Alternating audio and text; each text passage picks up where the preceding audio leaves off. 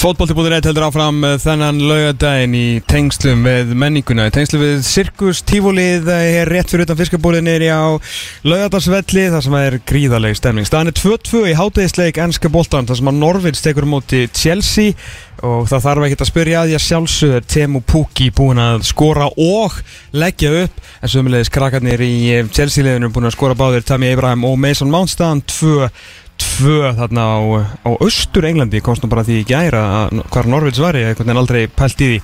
Fimm mörg í þreimulegjum hjá Temo Pukki En við ætlum að fara að tala aðeins um íslenska boltan og ekki bara íslenska boltan í, í deltakeppnu eitthvað þannig, við ætlum bara að fara að tala um framtíðina í heilsinni því að já, til okkar er komin eh, yfirmæður knatsbyrnu sviðs, knatsbyrnu sambands Íslands, eh, já, teknikal direktor er mættur í hús fyrirhandi landslýsmaður, fyrirhandi atvinnumæður, fyrirhandi þjálfari og þjálfari undir 21 ás landslýsins, Arnór Þór Viðarsson, heil og sæl og verðtu velkomin. Takk fyrir það. Hvað er það sem að velja að mæka? Það er að vera á tvistinu með það? Já, það var sko, það, var kvik, það kviknaði raukt ljósalt hérna á honum Þannig að við, við eðlilega hendum honum þangað Það er allt í góð Já Herru, hvað segir hann? Hvað er þetta? Ég er bara fín, það takk fyrir það Ég hérna, er bara búin að vera á fullu Og ert á fullu og kemur inn bara hérna á, á, á, í símanum að- að pæli eh, leiki dönsku til Já, það var einn, einn ungur drengur í okkur að spila núna í Kaup, Kaupanhöfn Þannig að svona, við reynum að fylgjast með Já, ok. okkar ungu drengjum allstaðar Hvort sem er í Íslandi eða í, í Evrópu Þannig að hérna Við gerum sitt besta. Jú, jú. Herru, réttu svona árum fyrir kannski í, í íslenska bóltan Hvernig var svona bara aðdraðandinn að, að því að þú fegst þetta, vildir þetta og svona hvernig hafa bara fyrstu vikur og mánuði verið? Sko, þetta byrjaði nú eiginlega þannig bara Ég, ég var náttúrulega ekkert á leiðinni heim þannig Nei, að ég maður að- það alltaf að þú væri bara en belgi Já, og... og er enn svolítið sko, ég er svona aðeins að komast inn í íslenskun aftur sem betur fer. Að hérna, maður var hann svolítið flæmskur. Og en ég var bara hann úti og, og, og kona mín er belgísk og, krak, og við bara krakkanir og er í skóla í Belgíu þannig að ég var eiginlega bara orðin eins og segir belgi en hérna ég var búin að vera uh, aðstofþjálfar í fimm ár. Fyrst hjá Serkli Brugge og svo hjá Lókarinn og ég var orðin svolítið súr. Ég lendi einhvern veginn þannig í tveimu klubbum sem voru tvisara á svolítið, svolítið niðurleið. Já, eftir ákveði velgengni þegar ég kem til Serkli þá var ákveði svona uppsöfla og gekk vel þegar ég var að spila þar en þegar ég var orðin aðstofþjálfari þá voru ekki mikill peningur og svona erfitt. Já. og sama var ég upp á teinum hjá Lókarinn þannig að ég Guðni Berg sefur eiginlega samband við mig einhvern tímann og, og svona hendir þessu á mig og hérna ég fór svona aðeins að pæla í þessu þá og var eiginlega ekkert inn á þessu að, gera þetta. En svo einhvern veginn komst ég að því sjálfur að ég þyrfti eiginlega að komast út úr þessum kassa sem ég var komin í í lókarinn ég var eins og segja orðin svolítið neikvæður og súr og þannig ég þurfti eiginlega bara á því að halda á, á, á nýju umhverfi og hérna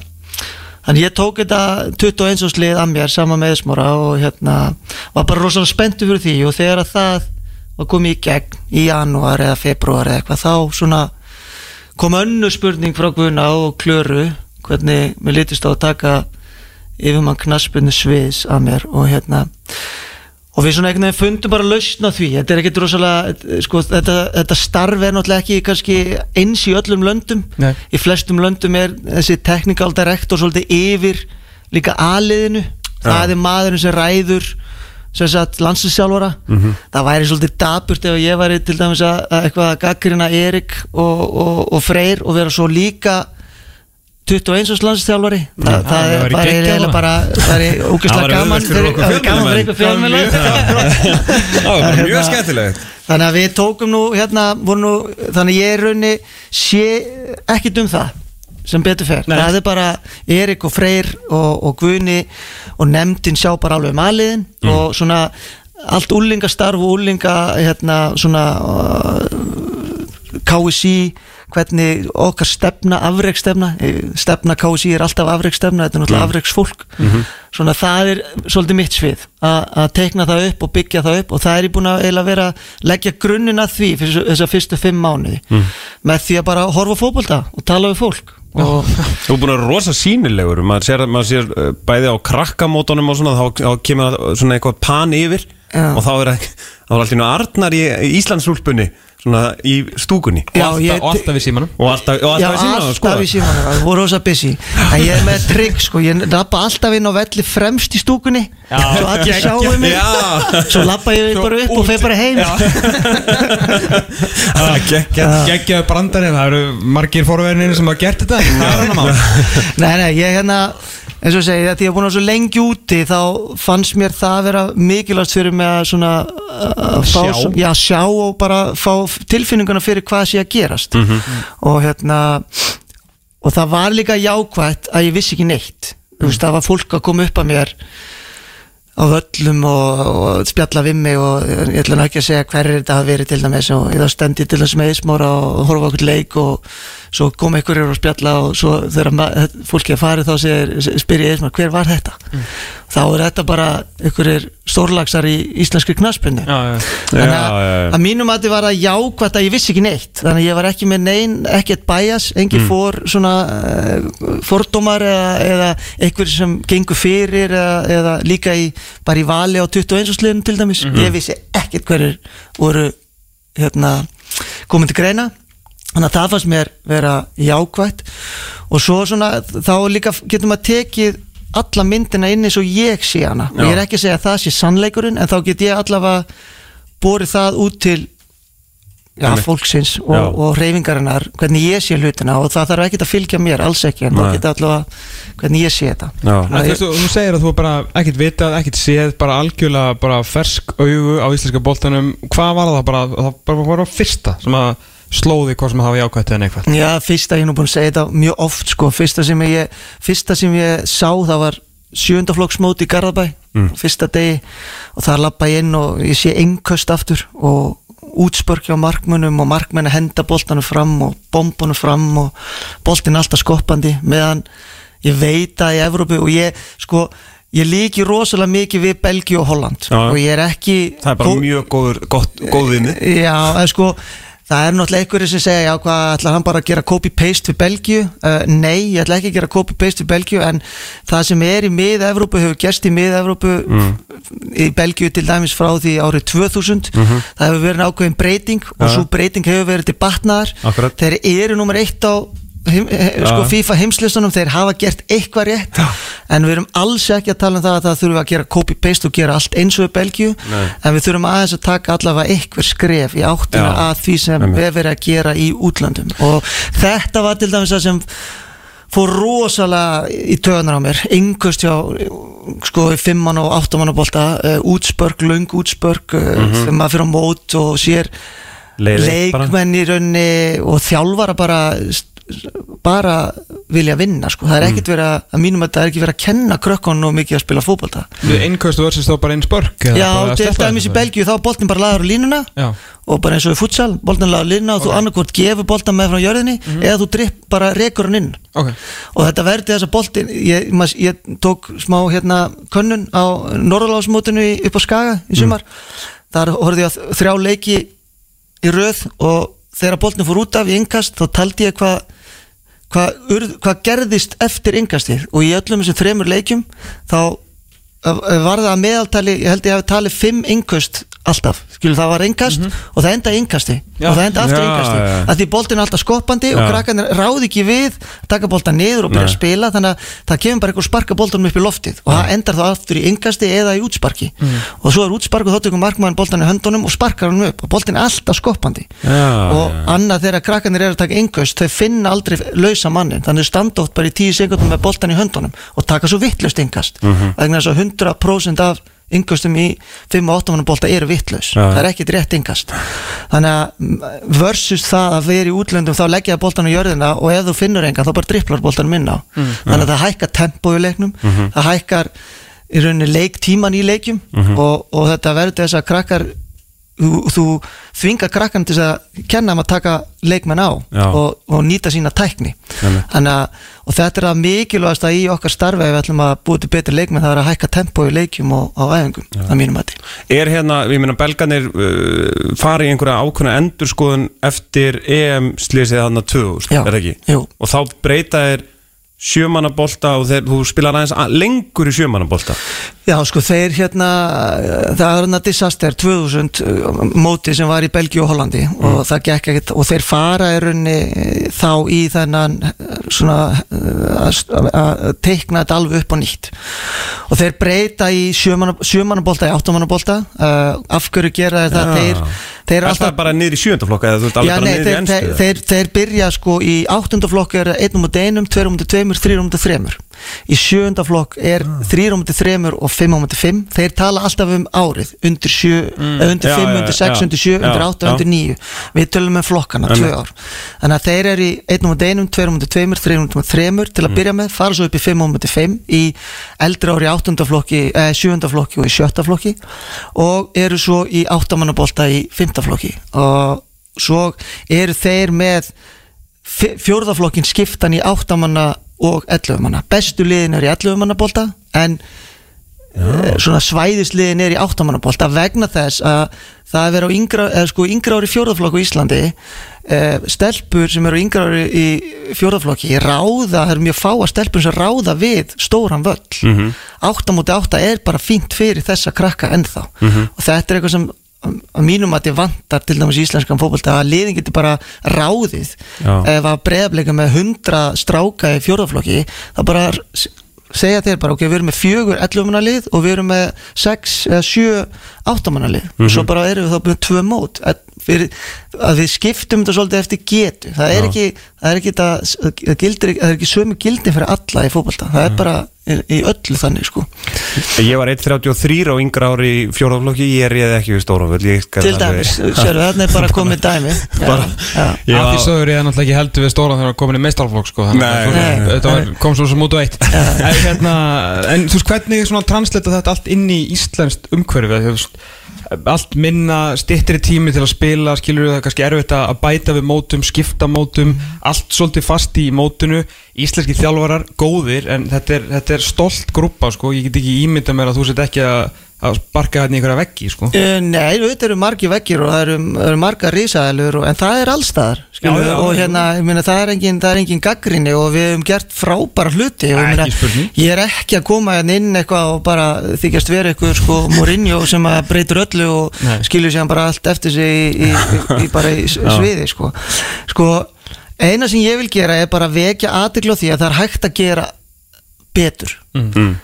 Viljum við gera betur, ég finn það alveg þegar ég tala við þjálfara, þegar ég tala við klúpa þegar ég tala við fólkinu og kási, það vilja allir gera betur. Við erum bara svolítið föst og það er bara svolítið hvernig manneskjan er ef að við erum bara vanaföst og þetta hef, a, a, þegar ég spyr akkur gerum við þetta svona, já við erum bara alltaf gert þetta. Og ég, besta dæmi finnst mér er það að ég tók smá hérna saman fyrir, fyrir tveimu vikum, við vorum með fund með öllum yfirþjólurum yngreflokka og ég vildi gera þeim grein fyrir muninum sem er á Íslandi og uh, í þessu tilfelli Belgíu, sonu minn er 12 ára spila fótbolta í Belgíu. Hann er sem sagt á eldra ári 15 flokki hann leikinni í, í Belgíu eru 3 og 25 mínútur. Það eru 75 mínútur hver leikur. Leikurinn í, á Íslandi er 2 og 20 það eru 40 mínútur. Íslandsmóti á Íslandsmóti það eru er í A, B, C riðli og það eru 11 lið í, eða 12 lið í held ég í, hvernig riðli, þannig að þú spilar 11 leiki á Íslandsmóti, ef þú ert í besta liðinu þá ferði í úslitakefni, það eru 3-4 leikir viðbót, þar ofan á spilaru faxaflómót eða reykjavíkumót þetta eru 6-7 leikir eða hvað sem er. Þetta er að meðaldali 20 leikir fyrir 5. flokks krakka á Íslandi á ári. Þetta eru 800 mögulegar spilmínútur. Hvað finnst krökkum skemmtilegast að gera? Það er að spila leiki, spila fótbolta. Í Belgíu eru það 40 leikir. Þetta er það allt, í, allt árið. Ég gerum alveg grein fyrir því Já. en mögulega spilmínútur í Belgíu í 15 flokki eru 3000 við erum að tala um 3000 á móti 800 á Íslandi. Það þarf enginn að segja með það. Og þarf ekki að vinna fyrir NASA til að gera grein fyrir því að við getum og þurfum að gera betra ef við ætlum að halda í. Ég er ekki að tala um sjöttaflokk við erum hættir að spila í sjöttaflokki á Íslandi. Þegar ég var í sjöttaflokki þá voru, var Íslandsmót við spiluðum einhverja leiki yfir sumarið. Það er ekkert lengur mót. Það er bara það er, segja, það er bara mót eins og já, já, mótin í já. eigum það, það er ekki það er ekki, já, já, það er ekki sko ok, á lögudaginn spilum við móti val. Nei. bara, og svo er hérna, fimmtudaginn spila um til HK skilur, það er, það er bara að spila mót Mm. Bara- bara turneringar. og það gerist líka í Belgíu. Þannig að fimmtuflokkur 3000 mínútur versus 800 sjöttiflokkur Belgía 2500 mínútur versus 0 Já, Vist, þetta, eru, þetta er aldurinn frá 8 til 10 ára. Þarna er aldurinn þar sem við lærum okkar tækni. Þar sem við lærum að í rauninni eftir 12-13 ára er mjög erfitt að bæta við tæknilegri getu hjá leikmönnum. Já, nema að fara að æfa sig sjálf og, Já. og, og svona, þá erum við konum meir út í afreiksstarfi þannig að við getum alveg gert betur vegna að þegar ég fyrir að fimmtaflóksleiki hér ég er ekki að segja, og alls ekki að segja það að við þurfum að fara upp í 3000 vegna þess að við erum með veturinn hérna, við getum lengt tímabilið. Við getum alveg byrjað að spila í, í mars sko. Það er, við getum alveg spilað úti og í höllunum og, og annað. En það sem við mínum að þurftum að gera bara er það að bæta við einum, einum sko hálfleik spila 3 og 20 sem gerir það að verkefum spilar í 60 mínútur þá förum við upp í sko kannski 1200 mínútur á mm. pluss það af hverju gera belgarenda svona með mörgum hálfleikum. Það er þess að gefa þjálfurnum færi á að þjálfa krakkana á eftir hvern já, fleiri Já, já, og í sjötta flokki spilaði til dæmis 5 sinum 15 mínútur. Þannig eftir hverja 15 mínútur kemur þjálfarinn inn og segir ok, krakkar, flott hjá okkur en mannstu þú gerir þetta, já. Hvað hefur geta gert, já kannski þetta, flott hjá þér. Prófum það næst. Og þá er, þá er 5-6 Já, já, skipti sem að þjálfarar geta rauninni þjálfað. Og sko þegar ég fyrir að 15 flokksleiki á Íslandi þá sé ég alltaf það sama. A og móti ég spila á hálfum velli. A og móti C og eftir leikin er B á móti D Mm. eða G á móti H eða hvað sem er. Það er alltaf fjögulið sem spila uh, á einum, á einum hálfum tíma. Þegar þessi tveir leikir eru búnir þá er aldrei neitt á vellinum. Ég hef ekki séð einu sinni í sumar það að það standi ykkur bara fyrir utan völlin hefur drullið ykkur út af við um völlin nei, nei, það er tími eftir leikin til þess að segja, herru, við hefum alveg getað að spila 3 og 20 hjá öllum. Og þá erum við konur upp í 60 mínútur. Þá erum við að auka já, sko, tíman sem við spilum og við erum að auka rauninni það sem krökkunum finnst skemmtilegast. Það er að spila leiki. Er þó svona já, þín sín svona svolítið eins og þú spjöldum við símarinn daginn svona meiri mínútur, meira tempo þannig að það komist svona já, hvað, þannig að krakkar þessu tilbúnir fyrr eða Nei, sko, ekki tilbúinu fyrir, ekki miskila mig vegna þess að grasrótin á Íslandi er rosalega sterk og, er, og ég held að, sko, eftir að búin að vera hérna núna í þessa mánuði, ég er á þeirri skoðun að það að allir megi vera með og geti verið á æfingum sé það sem að skilar okkur öllum þessum afreks fólki Já. við töpum aldrei neinum on the way eitthvað staðar. Vegna þess að það geta allir verið með. Og ef ykkur fær alltaf innu geðugan áhuga þegar hann er 10 ára eða 11 ára þá getur hann alveg komist í mestaraflokk eða atvinnumennsku.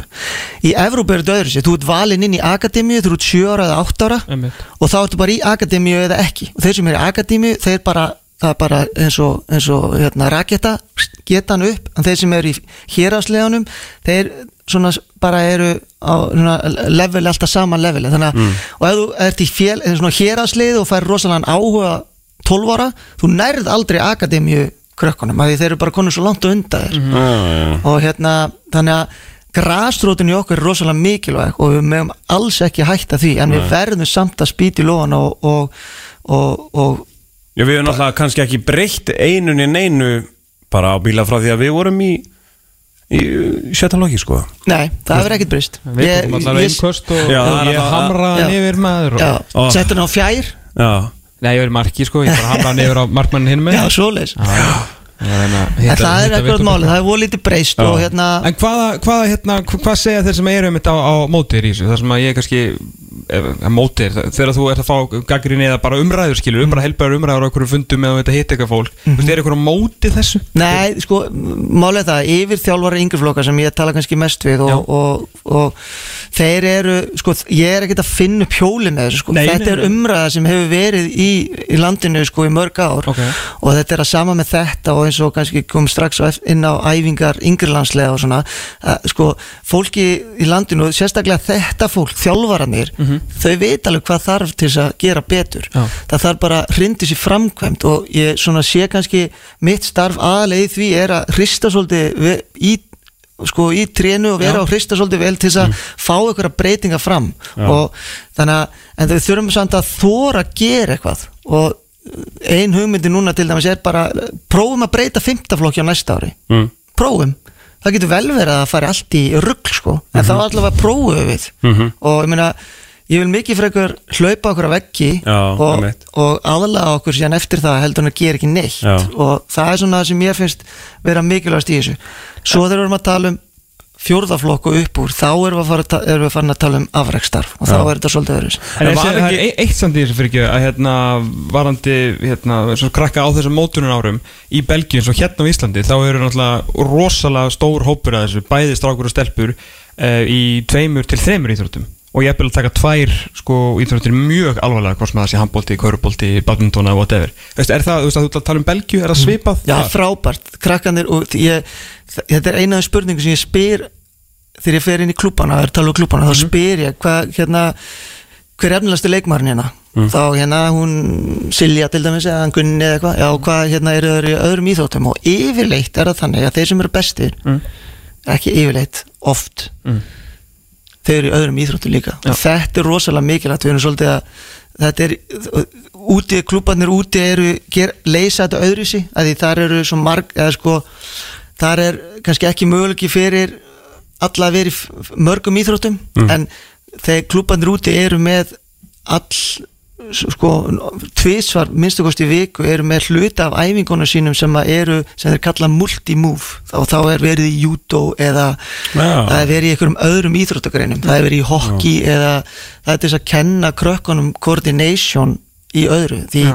þetta er svolítið horfið úr heiminu það, þegar maður var yngri þá var maður bara úti að ég ætla ekki að segja að maður er að vera klifur í trjám því það er ekki mikið að trjám á Íslandi en það, þú veist, að maður var að þróa sína hreyfi getur bara með því að hjóla og allan anskotan. Já, þetta já. er svolítið minkað og þetta er minkað rosalega mikið út í Evrópu. Þetta er ennþá svolítið stert á Íslandi eða krakkanir eru svolítið frjálsir hérna á Íslandi. Mhm. en úti þurfa klúbanir að leysa þennan hluta Mm. coordination hlutan með því að vera með æfingar inn í fótboltæðingunum Já, það gæti náttúrulega kannski líka verið svolítið erfitt náttúrulega upp á bara bara auðvitað lengja tíma kannski í, í fótbolta og svo er náttúrulega aðrar íþróttir og þú veist krakkar sem náttúrulega líka heimanám og svona þú veist það er náttúrulega margs konar breytur sem að þú þarft að horfa til og við öll sko vantarlega Jú, jú, ég meina eins og segjum ef við ætlum að fara að byrja Íslandsmóti á, hérna, í, í MAS það er enn, handbóltamóti er ennþá í gangi Já. og annað skilur en það er engin afsökun vegna þess að í nei. MAS er faxaflómóti líka að byrja á Reykjavíkumótið og ég, ég myndi þá bara vilja færa það framar eða fram, sko, aftur fyrir jól og þannig að það er alveg lausnir skilur ekki, ekki þú byrja okkur svona tóm En hvað hva, hérna er á einhverju tímpúndi sem að eh, sko allan að ætlum verið að talað um einhvers staðar hvar 18, 19 sem að við erum bara sem að lestin bara fer og við horfum bara á eftir henni þegar það kemur að styrk og svona ekki, ekki einhvers staðar réttum góðum þar Jú, sko máli, ef við tölum um sko yngirlandslegin okkar, eins og við komum núna undir 17 ára og náðum frábærum árangur og fórum, á, fórum með lokakefna í Dublin sem er náttúrulega geggja og það er akkurat þetta sem við þurfum.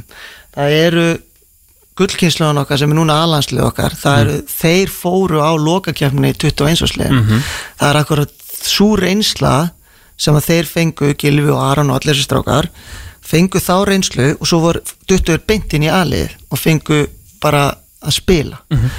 Sem verður til þess að bakbókin fyllist að reynslu rosalega fljótt. En vandamáli okkur er eins og þú segir undir 19 ára lið, það er erfiðasta liði fyrir okkur vegna þess að þeir sem eru 18 ára úti í miða-Evrópu, hvað sem er þeir eru komnir inn í meistarflokks og aðalis hópana eru farin að æfa á hærra tempo með betri leikmönnum uh, á hverjum degi strákunir í okkur eru 17-18 ára eru, það eru bara ekki nóg margir við þórum ekki að henda þeim inn í meistaraflokkana að mínum mati. Ef við horfum á Valgeri og Háká og ef við horfum á Jóngislega og Ía þetta eru strákar sem voru í Dublin í, í vor. og eru að stíga sín fyrstu skref í Pepsi Max í ár.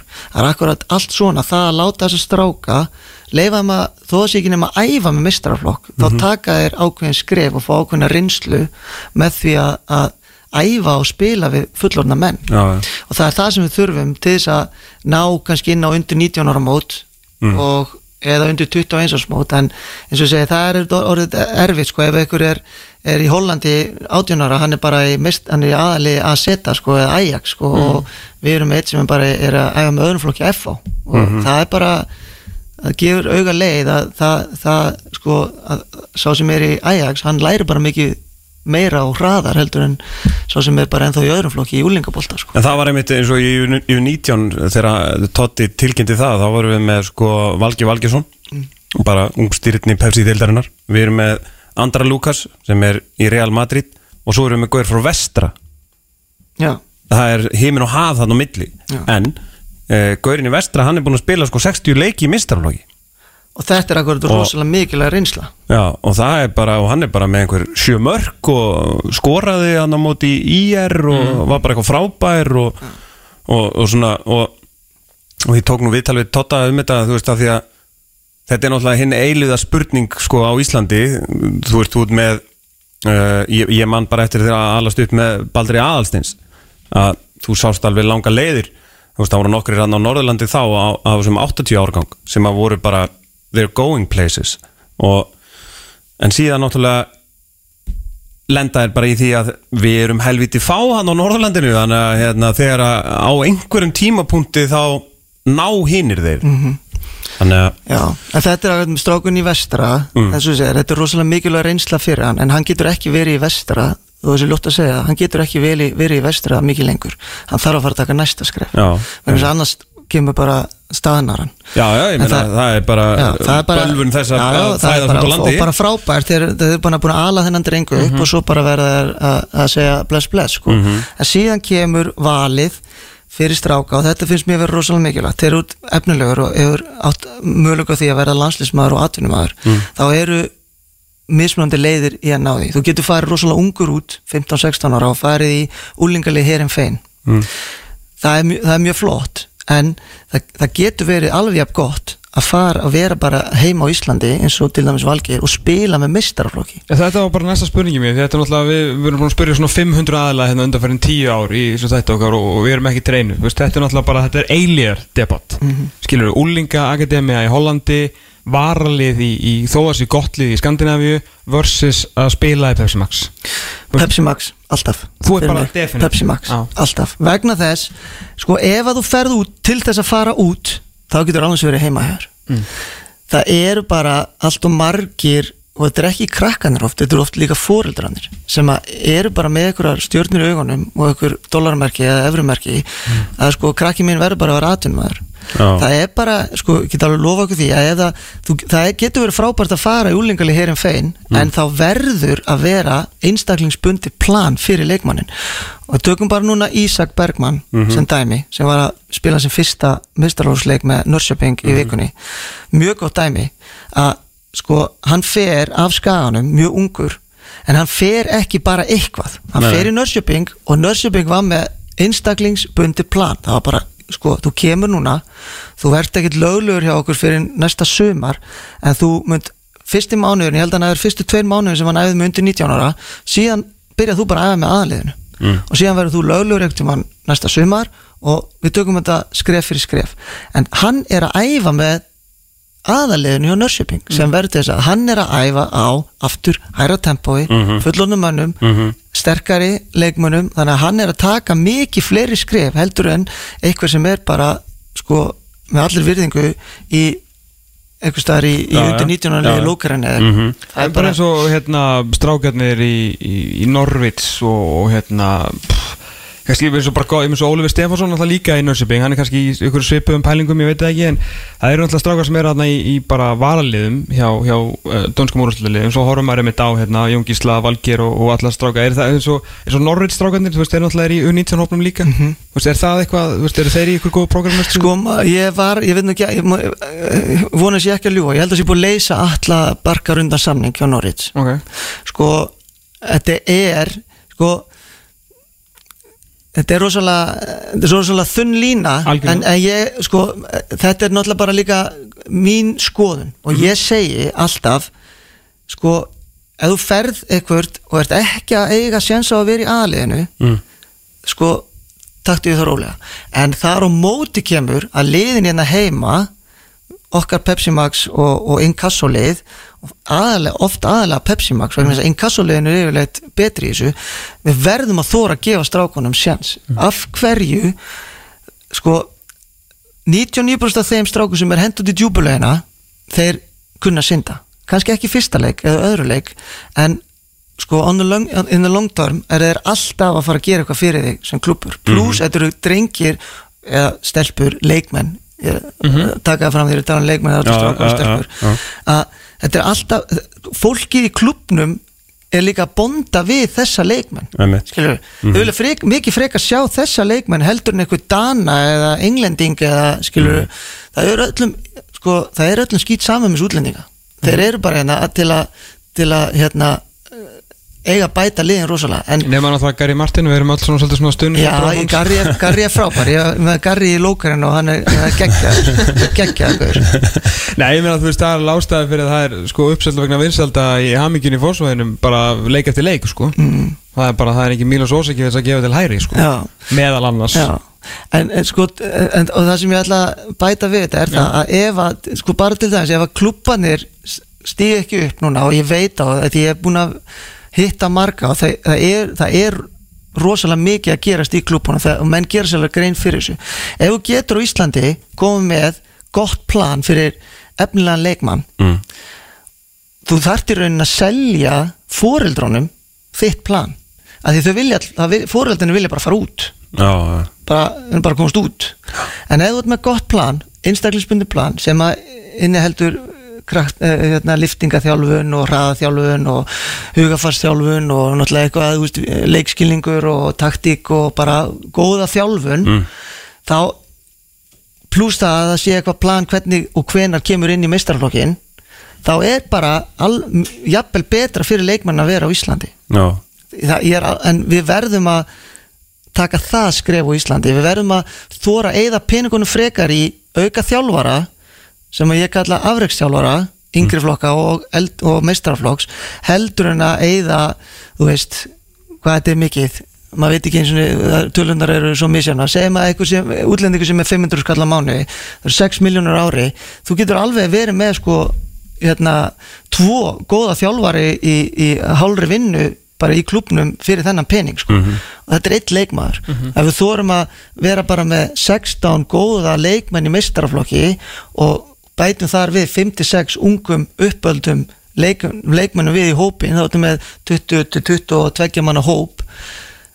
Það, þú, þú ert ekkert að fara að tapa fleiri leikjum á því sko, geta alveg lofa þér því. Og í, í uh, lengri tíma lit, litið áttu þetta að selja fleiri, fleiri leikmenn og vinna fleiri leiki. Já, já. Og Svo náttúrulega erum við alltaf, alltaf stóra markmiðið er alltaf á endanum blessa að þetta allt sem er gert hana allansliðin, allt sem er gert í, í grassrót, síðan upp í Pepsi Max, Inkasso, að það skilir nú svona einum kannski á ári að minnst okkar í bæði landslið er, hvernig, hvernig svona sérðu þær horfur núna? Jú, sko, það, og, og það er rauninni, í rauninni er það mitt starf, ég vinn alltaf hjá KSI Einmitt. og eh, sko Þú ert ekki yfir hamren en þú átt að færa ég, honum já, já, vopn. fær, já, sjáttu þess að þetta á fyrst að koma til mín og ég þarf að koma sér til Erik síðan og hérna, en sko þetta er all hluti af því að að fá betri landslýs fólk í framtíðinni. Einmitt. og verða samt að bæta við því að þetta er svolítið, þetta er aðeins öðru sér á strákunum heldur en stelpunum. Að strákunum er við, þú veist, þú erum að tala um mínútunar áðan til dæmis strákanir, ef við tökum Brynjól Darra sem dæmi í ár hann er sko 21 árs landslýsmaður og að mínum að þetta einn af okkar efnilegustu sendurum sko ég er hérna mjög hrifin af þeim leikmanni. Og hann er búinn að spila, ég held ég sé ekki að ljúa þrísvarsunni 90 mínútur í sumar. Spila mikið í vetur april, mæ, júni, júli, ágúst fimm mánuðir, þrísvar 90 mínútur.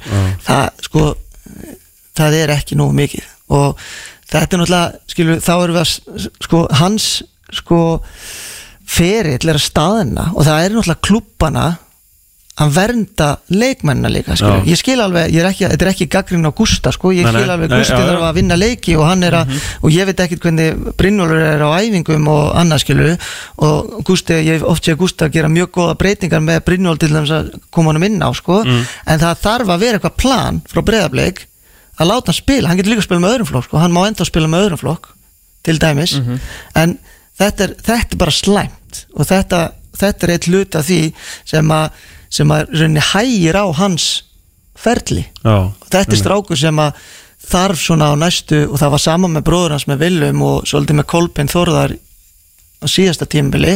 Kolbein kom rosalega sterkur út úr því núna og er komin til Belgíu. Mhm. en þetta er svona bara dæmi og ég endur þetta, þetta er ekki gaggrín á breyaflik þetta er dæmi um það að við verðum að gera betur þetta er ekki nóg gott. Að huga að svona þeim uh, krúnu djásnum sem við höfum í hverju félagi. Já, akkurat, og þetta er nefnilega söluvaran. Einmitt. og ef það, og svo, svo kemur næsta, þó að það- þeir ná ekki atvinnumennsku, Mhm. þá eru þetta leikmenn framtíðarinnar fyrir klúpin Já, ég meina, já, já, ég meina það, er bara, það er bara blikar Já. og blikar vilja sjá blika og Já. valsarar vilja sjá valsmenn og, og allt þetta, já, já, akkurat, ok En þetta er samt að lagast, ég er búin að sjá, það eru mörg lið náttúrulega og ég meina, þú veist, við horfum á vikingsliðið, ég meina, við horfum á skagalið og ég meina, í FH er líka, þeir eru að- aðeins að breyta um, um, um hérna, stefnu og svona, þannig að þetta er, hvað ekkit, slæmt, en Nei. mínum að þetta erum við sem Ísland, við erum bara uppeldisland, Já, við erum development land og við eigum ekkert að halda það að við getum eitthvað til dæmis þegar ringtum við síðast var það eftir Evrópukefnina að við þurfum eitthvað að vinna molde eða eitthvað skilur, það skiptir bara engu máli sko, einu skiptir máli það að við búum til leikminn og eigum, eigum svona þokkaleg lið og að fólk Já. geti tengt við liðin sín og að, að við höldum áfram að, að eiga góð landslið en það Er- er er, einhver- við erum, við erum, það er alltaf el, elstu liðin sem að enda efstu, eða ekki? Er það ekki? Allan í, í fyrra sko Þetta Já. er svona endan vera svolítið reynslan sem að klára þetta? Já, já, Og þá kemur þú kannski líka að þessu stolti að þú veist að hva, hvort viltu sko vera, vera development uh, félag og, og selja marga menn eins og blikar en það er bara eitt byggar í húsi veist, og hann kom fyrir nýjárum mm. á meðan að veist, það er rosalega gaman í byggarpartíum sko, ég get alveg sem valsari skilur það og bara er það frábært. Já en Þetta er líka er byggar Já, já, auðvitað, það, það er náttúrulega ákveðin lið sem vi- vilja, vilja og þurfa að vinna. Ég, úst, það er alveg rétt. En tökum F á sem dæmi þegar að þeir vinna titilin fyrst fyrir all nokkrum árun Já, mann ekki á alveg var. Akureyri. Já, á Akureyri. Þar erum við að tala um þá var kynslu í liðinu hjá FH og uh, Daví bróður minn var nú einn af þeim og það var Emmi Hallfræðs og það voru Sverrir Bryn- Garðars. Sverri Garðas og úst, það voru held ég einhverju 6-7 uppaldistrákar þetta var kynnslóðin sem að fór í gegnum það ferli næstu 6-7 árin að vinna alla þessa titla. Mhm. það voru allt F-fæðingar. Já. og þarna kemur að því sem ég var að segja á hann þú þarft ekki alltaf að búa til atvinnumenn og selja þá, þú getur líka verið að búa til mjög góða Pepsi Max leikmenn sem að geta unni titla fyrir þig. Mhm. Já, já, Það, þú, þið er að tala um reynslu Mm. en við, þú, við erum alls ekki að vinna titla á Íslandi með útlendingum. Það er ekki útlendingarna sem vinna titlana. Það eru, það eru sko þetta þarf að vera svolítið gott mix í þessu mínum að það er svo erfitt að fá góða útlendinga. Það er bara þannig. Mm það er alls það í heiminum með ekki? Er mjög erfitt á Íslandi allavega. Já, En svo hérna, það er nú ein, ein staða sem er svolítið sérstök uh, í þessari íþrótt sem að við, við dyrkum og dáum, það er markvarastaðan. Um, Er ykkur sérstakar pælingar þar hjá þér varandi til að finna næstu menn? Já, sko, það er eitt af því sem er á tekniborun hjá okkur núna inn á KSI er það að við viljum núna næstu næstunni maður getur aldrei uh, sett vikur að mánuða ára á þetta. Það við, vil, við þurfum og, og viljum taka inn í KSI við höfum gert rosalega, KSI hefur gert rosalega vel með yngri landslið, nú er allir yngri, eh, þjálfarar yngri landslið í fullu starfi Mm. sem verður til þess að þeir geta náttúrulega séð mikið fleiri leiki og þekkja leikmenn geta verið með fleiri æfingar og, og það ítir upp öllu starfinu hjá okkur að miklu leiti og við viljum taka inn að sömu leiti markmanns þjálfara í þessu vegna þess að við eigum ekki nógu marga góða markmenn að mínum mati Við höfum, að, þetta er að vísa að koma að því þetta hefur verið undanfarinn 5, 6, 10 ár svolítið Mhm. verið að, að- að bætast í, í, í hérna í ferli hjá klubbunum og við höfum til dæmis rosalega efnilega markmann í, í kvennaboltanum, við höfum rosalega efnilega markmann í strákamegin.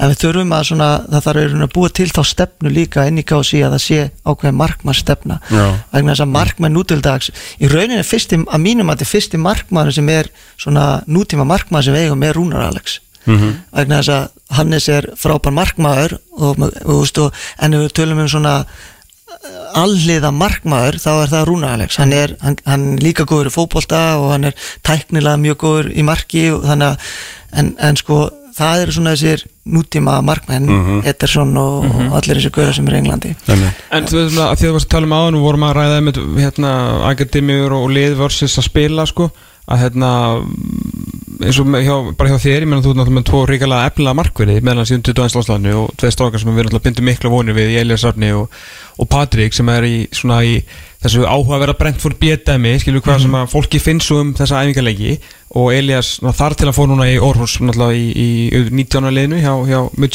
já. að standa sig mjög vel en, en þeir eru til dæmis valdir á undan strákum sem er að spila í Pepsi Max og núna kannski eins og Hákon í gróttu og svona Þú veist, af því að við vorum bara að tala um að spila já til, við hefum sko, við hefum marga. Við, þú ert búin að nefna hann tvo. Daði er að standa sér rosalega vel hjá FH. Eh, Hákon er í gróttu mjög, eh, hérna, við erum efnilega strákin Njarvík, það eru strákar fyrir norðan sko þrýr Aron strákar sem eru mjög efnilega líka. Aron Arnarnir. Eh, Aron en hérna sko en sko markmenni tveir, Elias og Patrik eru bara konur lengra heldur en allir hinnir mm. Getum, úst, það, ég get alveg komið einhverja mjög skemmtilega sögu hérna við ykkur að ég sé að velja eitthvað út af taktík og allt það, þeir eru bara bestu markmennir sem við eigum á þessari stundu Mm. en til dæmis sem Daði er búin að vera frábær núna fyrir FH skilu sem enginn bjóst við Já. en þessi strákar fóru mjög ungir út frá bregðarbleik, bæði Patrik og Elias til Brentford og til Midtjylland og er, Elias er núna byrjar að spila sko í þó að sé aðeins neðri deild og Patrik fekk eitthvað leiki í, í fyrra hjá Brentford er núna held ég uh, held ekki, hann er í aðalis hópnum hjá Brentford, þannig að hann er komin inn í hennar fullónarspolta Já. þannig að uh, það er svona sko jákvætt að þeir séu að koma en hérna næsta skref hjá þeim er þá að fara að spila í fullónarspoltanum sko. Já, verður ekki að fara að gera því, meina, og náttúrulega Elias byrjaði á því Já.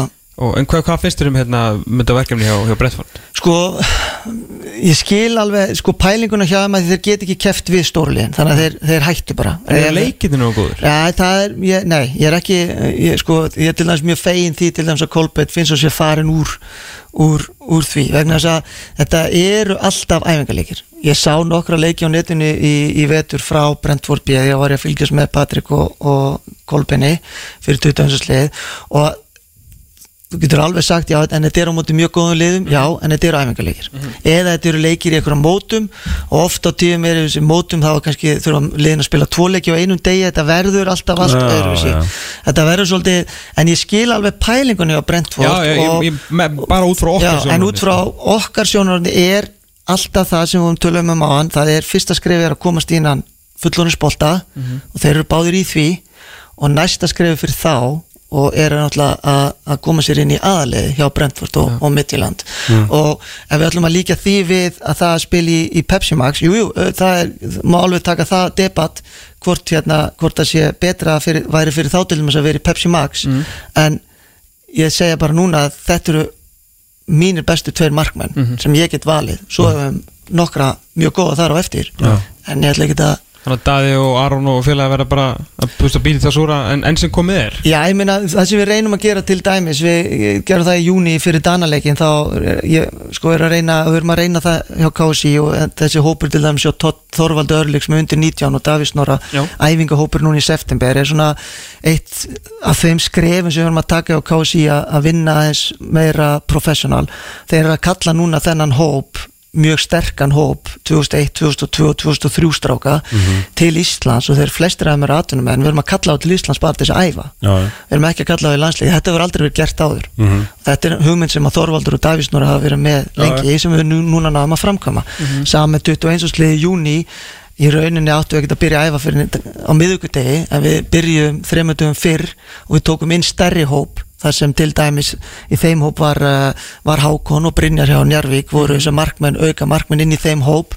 Þannig að við erum að sko gefa þeim sem að að mínu mati og mati eðsmára okkar, við gerum það saman eiga skilið að fá möguleika í 21. liðinu. Og það er náttúrulega ekki bara það að vera einn af þessum 20 við erum að reyna að stækka lúpuna aðeins gera hana eh, hérna, aðeins stærri og þannig að ekki fleiri möguleika á að, að bæði spila landsleiki og kannski að komast út og verða allanslismenn Nú talum við um þetta að fjölga hérna æfingadögum og þetta kannski kemur líka svolítið inn á og þú náttúrulega þekkir ekki allt umhverju þetta er að koma með þú veist ferskauðu sem eru kostir og, og gallar en eins og núna er bara uh, leiknistrangur, meina Vúkóskar í, í þessum hóp sem er að fara að æfa og það er æfingadagur sama dag og leiknir á að spila og leiknir er að koma sér upp í persónvagstildina Já, þannig að þú veist, þú kannski rétt ímyndið er að breyðaldingar eru ekki, ekki fara að senda henni blóm svona allavega á næstu dögum. Nei þeir, get, þeir, hafa, þeir hafa rétt á því að, að færa leikin Gróta til dæmis Já, en hitlið þarf náttúrulega líka að Eh, hann, þú veist. Nei, þeir, nei þeir, þeir, þeir hafa rétt og ef þeir vilja færa leikin þá megar færa leikin. Það var sama með í júni með 21 lið þá var Hjalti hjá okkur sem að gáringu sem er að láni á, á leikni og Stefán Gíslason og leiksumönnum þeim var bóðið að færa þann leik en þeir vildu freka spila. Það er bara klúbanir, skilur já. en þetta er annað til dæmis sem að mér finnst að við ættum kannski að reyna að gera er að við erum ekki með leiki í kassodeildinni í glugganum vegna þess að það eru margir uh, strákar bara og stelpur líka sem eru í inkasso sem eru landslýsfólk þannig að já. það geti verið ákveðin hugmynd að vera bara ekkert með leiki inkasso í glugganum. Já, og nýta þá þess æfingadag betur?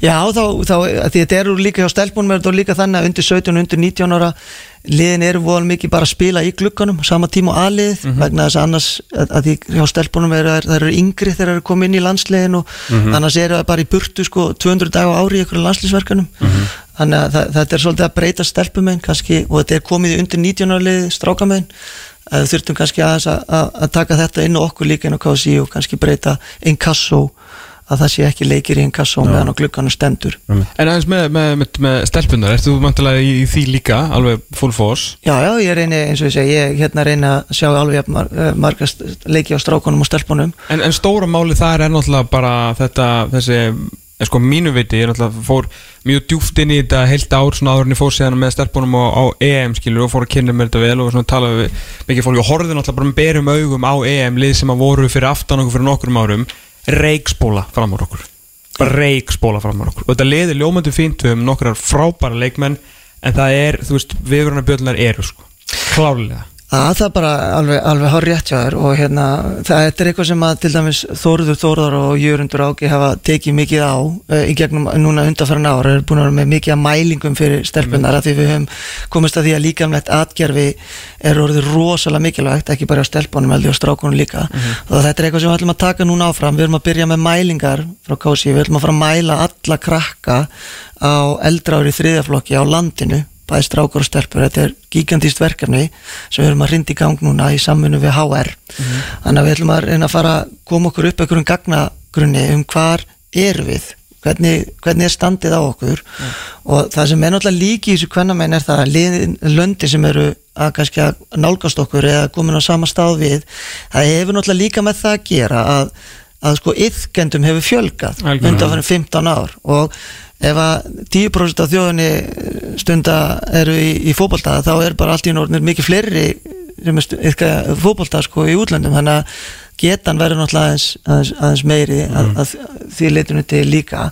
En við eigum alveg sko svolítið inni ja, stelpumegin og, og sjáum bara til þess selfosliði sem er að eru byggamestari og ég átti nú mjög gott spjallið hann Alfred bara núna í vor þar sem hann tilkynnti með það hann hefði æft svolítið öðru sem er stelpunar og meira með stelpunar sínar í vetur, meiri liftingar og, og svolítið meiri út frá uh, líkamlega atgerfi mm. sjáum bara hvað gerist með þetta lið, þeir eru orðna byggamestrar þannig að það er fullt hægt að gera. Og allar töluðar um að það eru unnið leikin á forminu. Já, skilur að tala allar um og hann sagði mér einmitt þá, þá var, þetta var bara í byrjun júni sem ég fór að hitta hann í, á Selfossi og þá, þá voru það bara stelpunur voru bara komnar á meiris á það, bara er, er engi liftingar eða engi vikuna, hvað, Já, hvað já, bara ok. á bara að fara að slaka á hérna Ég held bara að það þyrfti að setja Söru Gunnarsdóttur Ég er bara eitt leik bara þú veist val breyðablika eða eitthvað bara setja hann í annarkvort lið Já. hún myndi, hún myndi vinnandi þú veist, hún myndi bara fá boltan og labbi gegnum það sko. Mhm. bara ef þú horfir á bara volspúl spila fylgist með Söru á Instagram fylgist með eh, hérna bara YouTube myndböndum frá volspúl skilju maður bara fylgist vel með þessu út á henni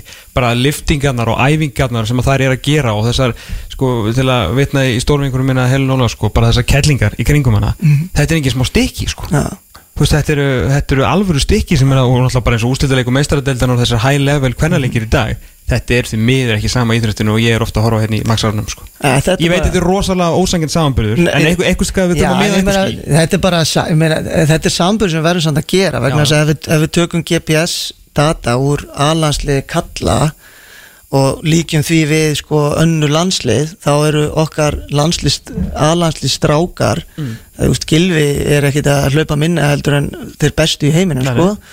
en þetta er akkur svo erum við að kíkju á bandarækin sem voru heimsmeistarar. Þeir eru bara heimsmeistarar af því þeir hlupu bara 5 km þá eru bara að tala um sko, total distance. 5 km meira heldur en öll að meðaltala heldur en öll hinn liðin í öllum leikjum. 5 km það er bara 500 metrar á leik, hvert leikmann sko, við skiljum markmann eftir. Það er bara Það er rugg bara annan völl Já, það er bara, það er ekkert skrítið að skilja að voru heimsmeistara. Þannig að þetta er, þess vegna væri til að þess vegna er jákvæmt að við erum komið með þetta GPS-data inn hjá KSI núna og að hvenna er að nota þetta. Já. þannig að við um leiðu við erum byrja, búin að gera þetta í einhvern ákveðin tíma, þá getum við fara eins og segja, þessi gagnagrunnur, við getum fara að bera okkur sama við við getum fengið töluna frá bandreikunum við getum fara að líka okkur við. Mm. Jónþór getur núna að byrja að segja, herru hérna er bara hæri bakverðinu bandreikunum og þú. Hvað, þetta er bara 20% munur, við verðum að gera eitthvað í þessu. Hef ekki eins og bátt að það er bara næsti leikur skilur, Já, bara, skilur þetta, já, þetta er, en til þess að geta tekið næsta skref, Já. þurfum við að vita eitthvað og við höfum aldrei, við höfum aldrei mælt neitt nema stelpum einn sem hefur verið frábært og það hefur batnað úst, og allt þetta, úst, búin að taka sumræðina með, með GPS og allt þetta, þetta, við verðum bara að taka þetta skref Já. á Íslandi Þetta hefur verið tilfinning Já, áður já, þetta er og nú bara- er þetta bara staðrindir Svo, eh, já, þetta, málega bara er það líka það kom alltaf nýra sama, klubbarnir verða bara að þóra að fjárfesta aðeins í þessu. Já. þetta er bara líka starfsmaður sko. Einmitt. þú getur Já, ekkert verið bara með einhvern hérna, aðstofþjálfara sem, herru, þú tekur GPS-i líka. Mhm. já, já, ekkert mál. Svo bara, ve- veistu eitthvað hvað þú ert að lesa? Já, Hva, einmitt. hvað ætlar að segja við leikmenna já, þú hlústu nú svona mikið. Ok, og hvað með það Já. þú verður að gera eitthvað við mælingarnar og það sem þú ert með. Já. þannig að þetta er ákveðin fjárfesting sem lík, þurfa, þurfa að gera líka. En við til dæmis hérna hittum uh, hérna uh, í hlaupa hvað heitir þetta, að hérna þá kom bara semst, Valur, uh, Kalla og Kvenna F á Kalla og Kvenna og Káa allan að kalla. Að, þú veist, liðin eru svona aðeins að byrja í þessu. Já, já, það, það er en, en, en sko betur má að duga skal. Já, við, en sko það Mér finnst rosalega svekkjandi. Mm. Þetta er orðið öllum ná, úst, hérna á Norrlöndunum og, og í Belgíu og Hollandi er þetta orðið þannig að efstu deildinar eru bara með GPS data yfir alla. Og þetta er kannski svolítið eitthvað sem við þurfum út frá KC að- allavega mínum að þetta ættu við að kannski að, að reyna að styrkja klúbana meira að, þetta er mín skoðun með einhverju svona heldur en að vera bara að rétta þeim peninga. Það sem er gæti farið í eitthvað útlending eða, Já, skilur, ég er náttúrulega svolítið harður. Ég, við gerum alveg grein fyrir því. En ég myndi freka vilja, mikið frekar vilja taka pening og kaupa svona GPS-kerfi þar sem að efstu deildinnar eru með. Mm. þannig að, og öll liðin geta séð niðurstöðnar hjá hvort öðru í Einmitt. ekki æfingum þannig að þá, það sem, það sem gerti í Belgíu það sem að gerði í Belgíu þegar ég var að vinna í Belgíu maður fór inn í tölunar hjá anstæðingunum næsti anstæðingur og maður vissi bara herru, þetta lið ef maður var að fara að spila við Antwerpen þá sagði maður bara við leikmennina sinna herru, passi ykkur, þetta eru bara vélmenni. Þeir hlaupa bara meir en allir í deildinni. Við verðum að vera klárir sko. Þannig að og, og þá, er þetta, þá getur fara að líka leikmennum líka saman. Það getur, það getur Já, tekið já. senderðin og líkt honum við send, tekið Brynjól Darra og líkt Mm. honum við hérna, eitthvað sender í FH eða Val Já. eða Káður eða hvað sem er En þessar tölur allar ofinberar til dæmis eins og í Danmörk Já, og svona. og þetta er allt Og- op, já, og, hér, og við erum svolítið lókuð Já, einmitt. Það mátti ekki gefa neitt upp nei, og eitthvað. Já, en þess vegna og við erum nefnilega að mínum að því svolítið döða færi að því við erum svo lítil að því leitum til við Mm. ættum að geta verið til þess með bara gagnabanka sem að væri fyrir öll liðin hérna í efstu deildunum og það, Mm. þá, þú gætir opna þetta til dæmis Mm. gætir, að geta allir hort á þetta yngri flokkanir eru margi hverju byrjar að taka upp vídeo á leikjum, þriði flokkur, annar flokkur, fjóru flokkur, fymti Mm. hvað sem er eða með svona gagnabonga sem er opinn geta allir upplota sínum vídeoum og þú getur þá uh, gengið að þessum vídeoum ef ég þriðaflokksjálfari á fram og spila við val í næstu viku ef ég hefur rosalega áhuga þá get ég séð vídeo af val Já, því já. það er í gagnabankanum alla mælingar og allar upplýsingar þetta er bara líka mikilvægt fyrir til dæmis eins og okkur inn á KSI að ef að eh, hérna, einhver af okkar yngri landslistjálfurum ef þeir lappa núna út Mm. segjum, tegum sem Davíð Davísnóri eða Þorvaldur Örli sem að voru núna í Dublin þetta er mikið reynsla líka fyrir, fyrir sambandið og fyrir, fyrir þjálfara allt sem þeir eh, hérna, gerðu núna í vor og í Algjörlega. Þískaland og í Dublin ef þeir fá núna atvinnutæki færi í útlandum og lapp út úr KSI þá veit ég ekki neitt.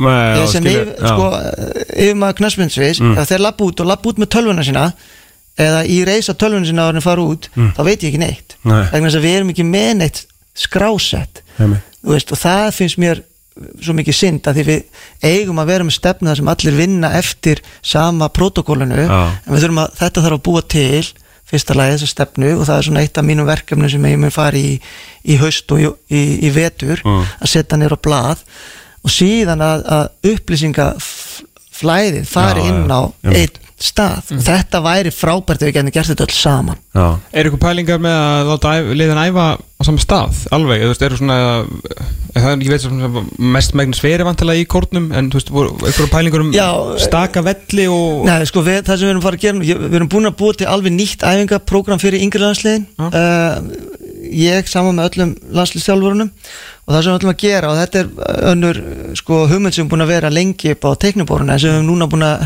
hrindi framkvæmt saman með strákunum sem er frábært. Við erum að fara núna í það, við ætlum að fara að æfa á virkum dögum með öllum okkar yngri landsliðum. Við höfum alltaf verið að æfa um helgar seint á föstaskvöldum, æfing hálf tíu glataðar æfingatími fyrir leikmenna, þjálfana eða líka fyrir foreldrana, þú veist, þú ert að fara að sækja krakkaðan kljóðan 11 eða eitthvað, þú veist, það er upp í kóri eða eitthvað.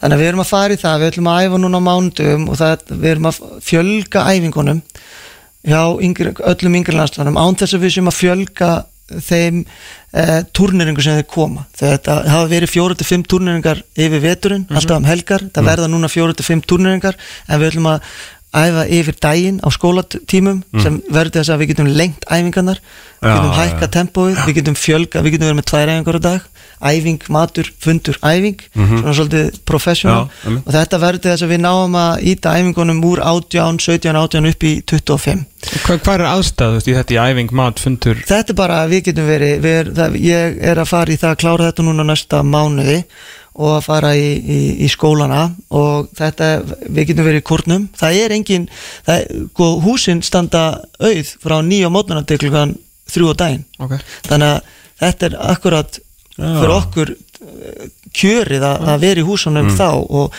mikið betri tími fyrir, fyrir, hérna, fyrir þjálfarana, fóreldra, leikmenn og svo er þetta bara eins og segi, þetta eru jafn margar turneringar og krakkarnir eru að missa sko aðeins meira úr skólanum en ef við gerum þetta í samfunum við skólana þannig að ef krakkarnir eru sinna sinni vinnu í skólanum þá verða þau líka valin í þessa landslið hvort sem þau eru á uh, Reykjavíkusvæðinu eða, eða ekstra út á landi.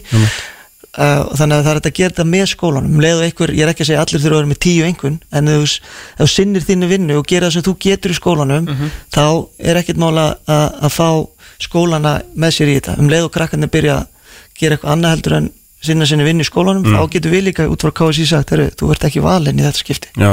þannig að þetta Er, er sko eins og hérna að því að eh, ég hef stundum verið að skrifa fréttir um, um það að- skólar eru ekki tilbúinir að gefa sko afreiks íþrótta fimmleika fólki mikið frí ef að þeir eru að fara í í sko bara HM í, í trompfimmleikum og, og eitthvað þannig sko. Að þá, þá er sko þá fellur ákveðin manneskja á, á mætingu sko bara út af að skólinn sagði fyrir að býtu þú ert ekki, ekki í skólanum já, Eh, það er oft vantað þetta sko á Íslandi að, að framhaldsskólar segi bara, heyrðu, ég er einnig með gimstein í, í höndunum og ég ætla bara að gera það sem ég get til að hann náir sem lengst, Já. en það er alltaf einhvern veginn, allir eru settir undir sama hatt já, þetta hefur verið svolítið loðað svolítið við okkur á Íslandi það er þessi, þetta afreks fólk mm. Að sko það er ekkit allir góður í skóla sko.